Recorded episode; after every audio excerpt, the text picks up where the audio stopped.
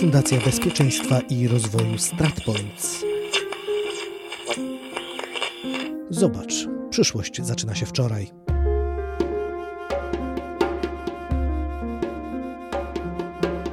Pułkownik rezerwy Ireneusz Panek, jestem ekspertem Fundacji StratPoints. Zajmuję się na co dzień dzisiaj w fundacji, nie tylko w fundacji ochroną informacji niejawnych, ale także ochroną danych osobowych, ale wcześniej byłem, a właściwie cały czas się jest, oficerem wojsk inżynieryjnych. Skoro mówimy o wojskach inżynieryjnych, to ja jeszcze pamiętam z dawnych czasów, kiedy Wisła zamarzała, takie obrazki saperów rzucających materiały wybuchowe na lód w Warszawie, żeby rozbijać zatory. Ale też wojska inżynieryjne zostały użyte przy awarii Czajki. Możemy sobie wyobrazić, że żołnierze zostaną poproszeni o wsparcie, jeżeli nie daj Boże dojdzie do powodzi. W czyjej gestii jest uruchomienie wojsk inżynieryjnych na potrzeby pomocy cywilnej w czasie pokoju? Jeżeli chodzi o uruchomienie w ogóle sił zbrojnych do, do klęsk żywiołowych, do użycia w czasie klęsk żywiołowych, to tutaj rola jest zasadnicza wojewody. Otóż to wojewoda może zgłosić taką potrzebę do ministra obrony narodowej, ale oczywiście wszelkiego rodzaju jego środki, siły, siły i środki muszą być wykorzystane. Jeżeli te środki będą niewystarczające, te siły będą zbyt małe, będzie zbyt mała ilość osób do pomocy, albo sprzęt będzie niewystarczający, wówczas wojewoda zgodnie z prawem może zwrócić się o pomoc do sił zbrojnych. Oczywiście robi to poprzez ministra obrony narodowej. A czy inicjatywa może wyjść ze strony rządu? To znaczy, minister może stwierdzić, że nie dostaliśmy żadnego zgłoszenia, ale sądzimy, że może nasza pomoc się przydać. No tutaj prawdopodobnie największą rolę będzie odgrywało Centrum Zarządzania Kryzysowego, które jest na poziomie rządu. I jeżeli na tym poziomie centralnym zostanie przyjęty taki wariant, że z góry będzie założenie takie, że siły i środki powiedzmy danego wojewody czy danego, danej części kraju będą niewystarczające, wówczas odpowiednio wcześniej oczywiście takie decyzje mogą zapaść, żeby wyznaczone siły i środki z jednostek wojskowych były w gotowości do działania. Niektórzy, niektórzy właśnie włodarze miast i burmistrzowie, wójtowie zapominają o tym, że mamy wojska zawodowe i to nie już tak, nie jest tak jak kiedyś było, że na telefon, że wojsko było w gotowości. Niestety dzisiaj trzeba odczekać 48 godzin minimum, żeby wojsko pojawiło się w miejscu, gdzie chcemy. A nie wszyscy o tym pamiętają, mimo tego, że upłynęło już tyle lat, że wojsko mamy już y, zawodowe i nie są, nie są na stałe w koszarach, tylko w domach. To jest kwestia proceduralna, ale to, co jest jeszcze istotniejsze, są tak naprawdę możliwości. Jak w tej chwili wyglądają możliwości Wojska Polskiego udzielania pomocy w przypadku katastrof naturalnych? Myślę, że te y, siły i środki, którymi dysponują dzisiaj siły zbrojne, są raczej wystarczające. Największy problem, jeżeli chodzi o tą kwestię, to będzie problem sprzętowy. Otóż y, nie da się ukryć, że jeżeli chodzi o siły zbrojne, takimi podstawowymi jednostkami wojskowymi, które będą użyte do ewentualnej likwidacji skutków klęsk żywiołowych, czy nawet do, do kwestii ratowniczych, to będą właśnie wojska inżynieryjne i wojska chemiczne. Pozostałe rodzaje wojsk też będą w tym brały udział, głównie logistyka. Niemniej jednak właśnie wojska inżynieryjne tutaj będą tworzyły taki trzon tych sił zbrojnych, które y, będą najczęściej wykorzystywane właśnie do likwidacji skutków klęsk żywiołowych, czy w ogóle pomocy społeczeństwu w ramach tych klęsk żywiołowych. I tutaj jest pewien problem. Otóż wojska inżynieryjne są, można by było powiedzieć, od wielu lat niedoinwestowane, jeżeli chodzi o sprzęt. Możemy to zauważyć na etapach, śledząc na przykład wszelkiego rodzaju przetargi czy zamówienia publiczne realizowane przez Inspektorat Wsparcia, gdzie często zdarza się, że albo są odwoływane przetargi, albo brakuje pieniędzy i tak dalej, i tak dalej. Właśnie przykład tego mostu przy awarii Czajki pokazał nam, że w momencie, kiedy wojska inżynieryjne powiedzmy tak szczerze, gromadząc sprzęt prawie że z całej Polski, żeby wybudować jeden most przez Wisłę, w tym samym momencie Inspektorat Uzbrojenia odwołał przetarg na zakup nowego sprzętu pontonowego. Ponieważ y, z tego, co, co wiem, pisały o tym media, pula pieniędzy przeznaczona na zakup tego mostu była niewystarczająca w stosunku do tych y, ofert, które wpłynęły. Także tutaj jest chyba największy problem, a mianowicie problem właśnie sprzętowy.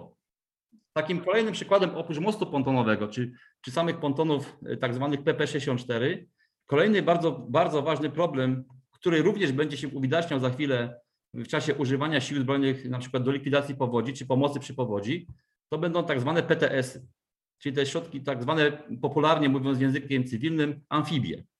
jest to sprzęt absolutnie wiekowy. Ja pamiętam, kiedy zaczynałem swoją służbę wojskową, a to już ponad 30 lat temu, ten sprzęt już był i on już nie był nowy. To są znowu lata 60. Części do tego jest coraz mniej, ponieważ jest to sprzęt poradziecki, więc wiem, jakie tutaj są kłopoty. Na szczęście sam sprzęt nie jest zbyt skomplikowany, w związku z tym radzimy sobie jak możemy, że tak powiem, czasami kanibalizm tutaj pomaga, ale już tego jest coraz mniej. Y, natomiast no, niektóre części po prostu można dorobić i tylko dlatego funkcjonujemy. Tutaj też wiem, że są prowadzone prace związane z pozyskaniem nowego tego typu sprzętu. Mówi się o mostach M3. Widziałem te mosty, faktycznie są, są to dobre rzeczy, ale bardziej przydatne dla wojska. Natomiast jeżeli chodzi o użycie ich później w takich właśnie sytuacjach, jak sytuacje kryzysowe, powódź i tak dalej, myślę, że tutaj z nich nie będziemy mogli aż tak szeroko korzystać, jak dzisiaj korzystamy z tych właśnie już wiekowych PTS. Generalnie wojska inżynieryjne, jeżeli chodzi o, o wyposażenie sprzęt, to tutaj od no, dłuższego już czasu y, no, nie mają się czym pochwalić, jeżeli chodzi o nowy sprzęt.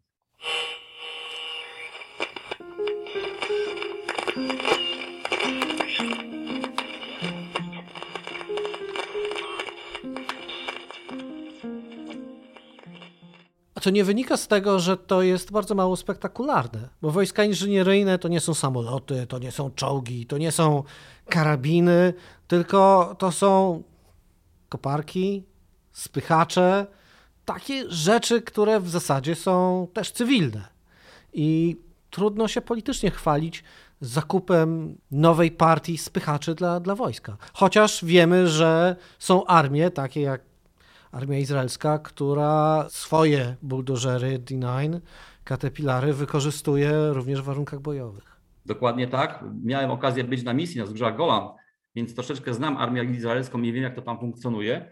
Natomiast y, odpowiadając na to pytanie, po pierwsze, nie wyobrażam sobie dzisiaj funkcjonowania w ogóle sił zbrojnych bez wsparcia inżynieryjnego, bo nie da się po prostu przeżyć na polu walki dzisiaj, czy to będzie czołgista, czy jakiś żołnierz z piechoty zmotoryzowanej, bez wsparcia inżynieryjnego. Natomiast y, jeżeli chodzi o ten rozgłos, tak, o tak zwany PR związany z ewentualnym zakupem sprzętu inżynieryjnego, nowego sprzętu inżynieryjnego, to nie chciałbym tego tak tutaj przywoływać, ale wydaje mi się, że gdyby nastąpiło odpukać jakiś kataklizm, y, gdzie faktycznie te siły zbrojne wysłałyby na pierwszą linię walki właśnie wojska inżynieryjne, to wówczas prawdopodobnie by było tak, że znowu prześcigalibyśmy się w tych wypowiedziach, jaki to nowy sprzęt inżynieryjny kupimy, bo nagle jest potrzebny, prawda?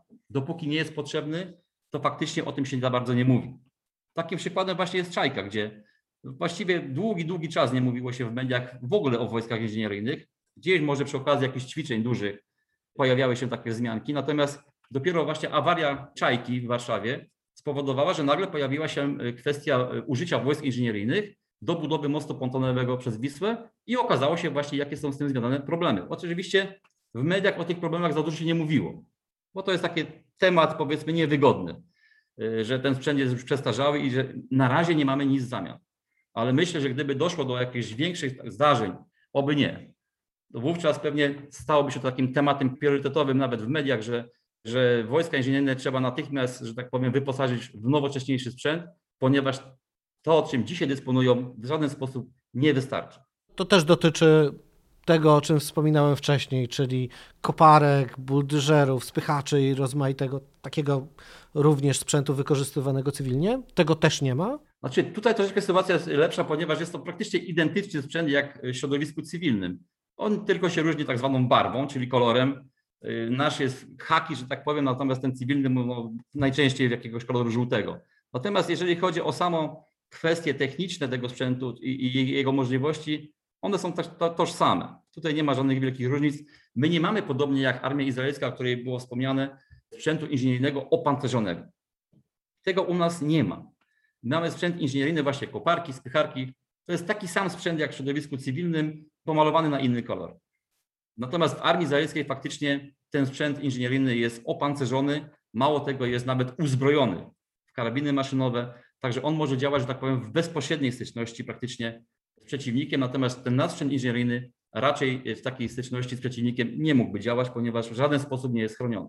Izraelczycy mają też zdalny sprzęt inżynieryjny, to znaczy mają buldożery zdalnie sterowane, które mogą wykonywać zadania, nie narażając żołnierzy. Rozumiem, że to jest perspektywy polskich wojsk inżynieryjnych na razie to jest science fiction i w ogóle nie ma, nie ma o czym mówić. Może nie science fiction, ponieważ znamy ten sprzęt oczywiście, bo saperzy oczywiście biorą również udział w misjach i, i pewnie go widzieli niejednokrotnie. Natomiast jest to, dla nas jest to przyszłość. Skoro wspomniał Pan o rozminowywaniu, o tej roli wojsk inżynieryjnych, to znowu pytanie o sprzęt. Jak wygląda wyposażenie polskich wojsk inżynieryjnych, na przykład w roboty służące do rozminowywania? I tutaj sytuacja jest troszeczkę lepsza, ale może zacznę od tego, jak to było kiedyś, bo rozpoczynając swoją służbę wojskową, właśnie byłem żołnierzem, który jeździł w patrolach rozminowania i pamiętam, jak to wtedy wyglądało i jak wygląda dzisiaj, więc mam pewne porównanie. Kiedy ja zaczynałem praktycznie, oczywiście patrole rozminowania nie były patrolami etatowymi, czyli nie było takich, takich jednostek, nie było wojskowych zwanych patrolami rozminowania, tylko po prostu to były zespoły nieetatowe, powoływane z pododdziałów inżynieryjnych, z kompanii saperów, z kompanii minowania, którzy żołnierze wyznaczeni, przeszkoleni dodatkowo, e, byli tymi żołnierzami, którzy jeździli właśnie po Polsce i sprzętem też nieprzygotowanym do końca likwidowali i unieszkodliwiali te ładunki niebezpieczne. To były najczęściej dodatkowo doposażane stary wojskowe, dodatkowe osłony między kabiną a tak zwaną paką, specjalną płytą pancerną, żeby przy ewentualnym wybuchu przewożonego materiału na pacę czy na, na skrzyni ładunkowej nie doszło do, do jakiegoś nieszczęścia. I po prostu albo tarpan, albo jakieś wtedy jeszcze ułazy. Tak to wyglądało wówczas. Sytuacja uległa diametralnej poprawie. Patrole są etatowe, mają odpowiednio przygotowany do tego sprzęt, odpowiednie pojazdy wyposażone chociażby sygnały dźwiękowe, sygnały świetlne, odpowiednie pojemniki do przewożenia materiałów niebezpiecznych. Dodatkowo mają przyczepy z tak zwanymi pojemnikami do przewożenia trochę większych ładunków niebezpiecznych. Także tutaj sytuacja uległa diametralnej zmianie na lepsze. Dodatkowo te patrole zostały wyposażone właśnie w roboty, które służą e, do podejmowania materiałów niebezpiecznych, podejmowania niewybuchów. Także żołnierz już nie musi podchodzić bezpośrednio do takiego niebezpiecznego przedmiotu, a skierowany jest na właśnie robot, sterowany drogą radiową i to właśnie robot wykonuje tą najbardziej niebezpieczną pracę. Także tutaj, jeżeli chodzi o patrole rozminowania, sytuacja jest o wiele, o wiele lepsza i od jakiegoś czasu tutaj można się pochwalić tym, że wojska inżynieryjne w tej kwestii zostały doinwestowane.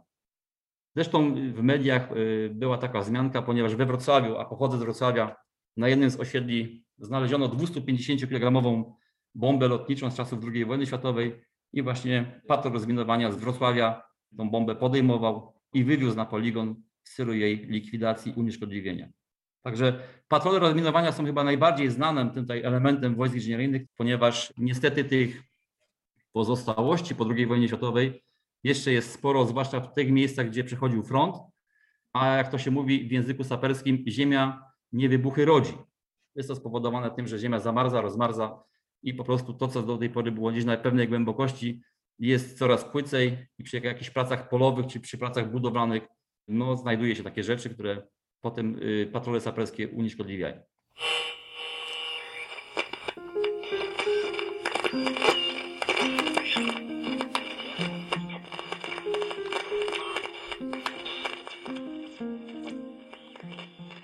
A czy misje w Iraku i Afganistanie, gdzie min, pułapek, bomb było bardzo dużo, czy te misje i doświadczenia z nich przekładają się w jakiś sposób na praktykę wojsk inżynieryjnych i saperów w kraju? Jeżeli chodzi o samo o działanie właśnie w zakresie unieszkodliwiania ładunków wybuchowych czy ładunków niebezpiecznych, tutaj ta kwestia jest bardzo zbliżona i jak gdyby nie było jakichś wielkich różnic między tym, co robiliśmy tutaj w kraju, czy robimy w kraju, a tym, co robiło się na misji. Zresztą tam był taki pewien podział. Ja byłem w Iraku, w związku z tym wiem, że w Iraku podział wyglądał w ten sposób, że nasi saperzy zajmowali się wszystkim tym, co było wewnątrz bazy. Jeżeli były jakieś ataki rakietowe czy moździerzowe na bazę i były jakieś niewybuchy, to było to w gestii naszego, naszego patrolu rozminowania czy naszych, naszych żołnierzy wojsk inżynieryjnych. Natomiast y, Amerykanie z kolei i ich pododdział inżynieryjny zajmował się wszystkim tym, co znajdowało się poza bazą. Jedynie w takich sytuacjach, gdzie były jakieś składy amunicji, które trzeba było likwidować, również wtedy było to pod kierownictwem e, oficerów wojsk inżynieryjnych naszych sił zbrojnych. Natomiast akurat w Iraku robili to żołnierze Bośni i Hercegowiny, ale byli podwładnymi naszego oficera Wojska Polskiego i on jak gdyby nimi kierował. Natomiast sposób realizacji tego zadania jest bardzo zbliżony do tego, co na co dzień my robimy tutaj w kraju. A jak wygląda współpraca z wojskami sojuszniczymi? Bo tutaj mówił Pan o współdziałaniu na stosunkowo niewielką skalę w czasie misji. Natomiast y, czy są to elementy, są to prace i zadania, które również są na bieżąco ćwiczone w ramach y, chociażby rozmaitych szkoleń i ćwiczeń natowskich? Tak, tutaj na szczęście sytuacja jest dość dobra. Przy dużych ćwiczeniach Anaconda 16, y, z tego co pamiętam, budowano most pontonowy na rzece. Tutaj budowali go Niemcy i, i, i bodajże Brytyjczycy. Niemniej jednak też udział w tym wszystkim, w tej budowie tego mostu mieli y, polscy saperzy. Także tutaj współpraca jest y, dość szeroka. Ale może wrócę troszeczkę do przeszłości, ponieważ będąc jeszcze młodym oficerem, bodajże chyba wtedy w stopniu kapitana, miałem okazję być dowódcą kompanii, a właściwie zastępcą dowódcy kompanii Y, międzynarodowej polsko-holenderskiej, gdzie stworzono pododdział y, właśnie inżynieryjny, pododdział saperów, składający się z plutonów y, holenderskich i z plutonu polskiego. I tutaj ta współpraca wyglądała super świetnie, przy czym my dzieliliśmy się bardziej swoim doświadczeniem, natomiast ten pododdział holenderski jak gdyby wzbogacał nas, jeżeli chodzi o sprzęt. No, sprzęt był nieporównywalnie lepszy, ten holenderski, niż nasz. I taką może ciekawostkę powiem, Y, na temat tej współpracy i w ogóle szkolenia wojsk inżynieryjnych, jakie jest podejście do szkolenia wojsk inżynieryjnych w armiach zachodnich. Przyjeżdżając do Polski na ćwiczenie, ten pododdział holenderski zabrał ze sobą wielotonowy dźwig, bodajże 20-tonowy dźwig, który miał posłużyć im do przede wszystkim rozładunku sprzętu y, z wagonów kolejowych i rozstawienia go po prostu na poligonie. Natomiast potem jak, jak gdyby nie za bardzo mógł służyć, ponieważ nie było takich prac przeznaczonych dla niego, a było to po prostu dla, dla tego operatora dźwigów i dla samego sprzętu szkodliwe, ponieważ w tym czasie się nie szkolił.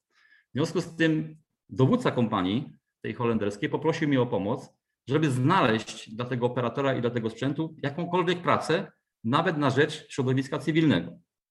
Ponieważ jest to dźwig dość duży, nie mogliśmy za bardzo znaleźć takiej pracy, łącznie z tym, że byłem u burmistrza miasta i też, też nie mógł znaleźć takiego zadania ale okazało się, że w tym czasie było remontowane Muzeum II wojny światowej w Stalach w Żaganiu, gdzie trzeba było po prostu wyremontować dach.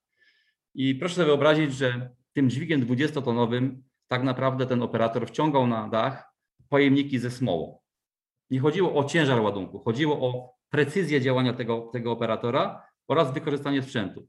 Ten sprzęt po prostu był cały czas wykorzystywany, operator cały czas się szkolił, także nie było tutaj strat i przestoi, jeżeli chodzi o o sprzęt, który przyjechał do Polski na ćwiczenia, przestój sprzętu, przestój operatora, e, to jest strata.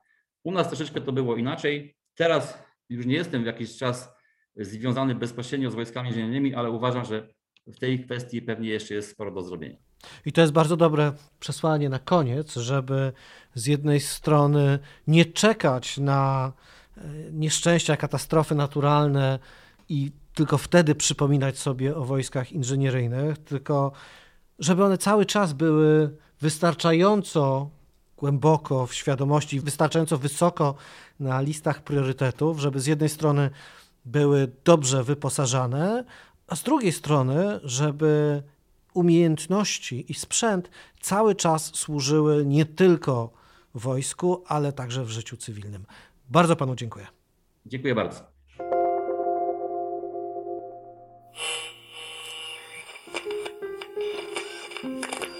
Fundacja Bezpieczeństwa i Rozwoju StratPoints.